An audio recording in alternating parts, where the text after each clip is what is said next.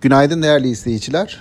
Dün Merkez Bankası Para Politikası Kurul kararı günüydü. Yurt dışı taraftaysa Amerika'nın kapalı olduğu e, bir gündü. E, Merkez Bankası'nın faiz kararı piyasa beklentileri e, paralelinde gerçekleşti. 150 bas puanlık indirim sonrası yine öngördüğümüz şekilde bir etki olmadı. Çünkü beklentiler paralelinde açıklanmış bir karardı.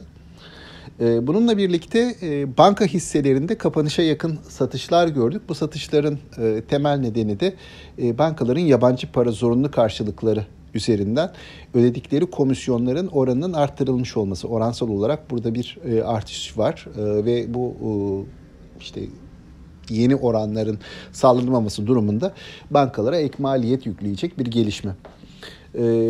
Bu gelişmenin etkisiyle banka hisselerinde düşüş gördük dediğim gibi. E, bunun haricinde yine dün e, bir süredir alıcılı olan, endeksi sürükleyen bazı hisselerde, petrokimya e, sektöründe, kimya endüstrisindeki hisselerde satışlar vardı.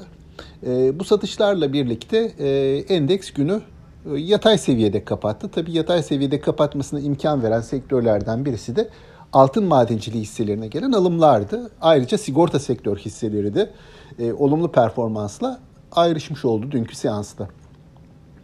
E, bugün nasıl olur, önümüzdeki günlere nasıl bakmalıyız diye e, değerlendirecek olursak, e, alternatif getiri imkanlarının bir hayli sınırlı kalması nedeniyle borsaya ilginin devam edeceğini düşünüyoruz.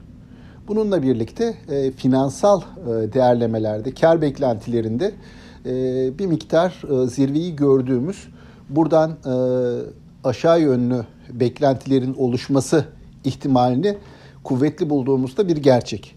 Dolayısıyla e, getiri arayışıyla şirketlerin finansal performansında e, bir miktar e, geri çekilme başat şekilde önümüzdeki dönemde cereyan edecek.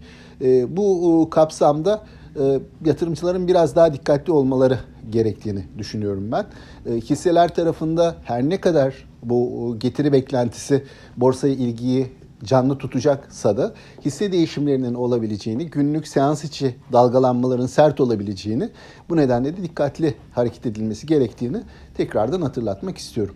Aktaracaklarım bunlar. Sağlıklı, bol ve bereketli kazançlı günler dilerim. Yeniden görüşmek üzere.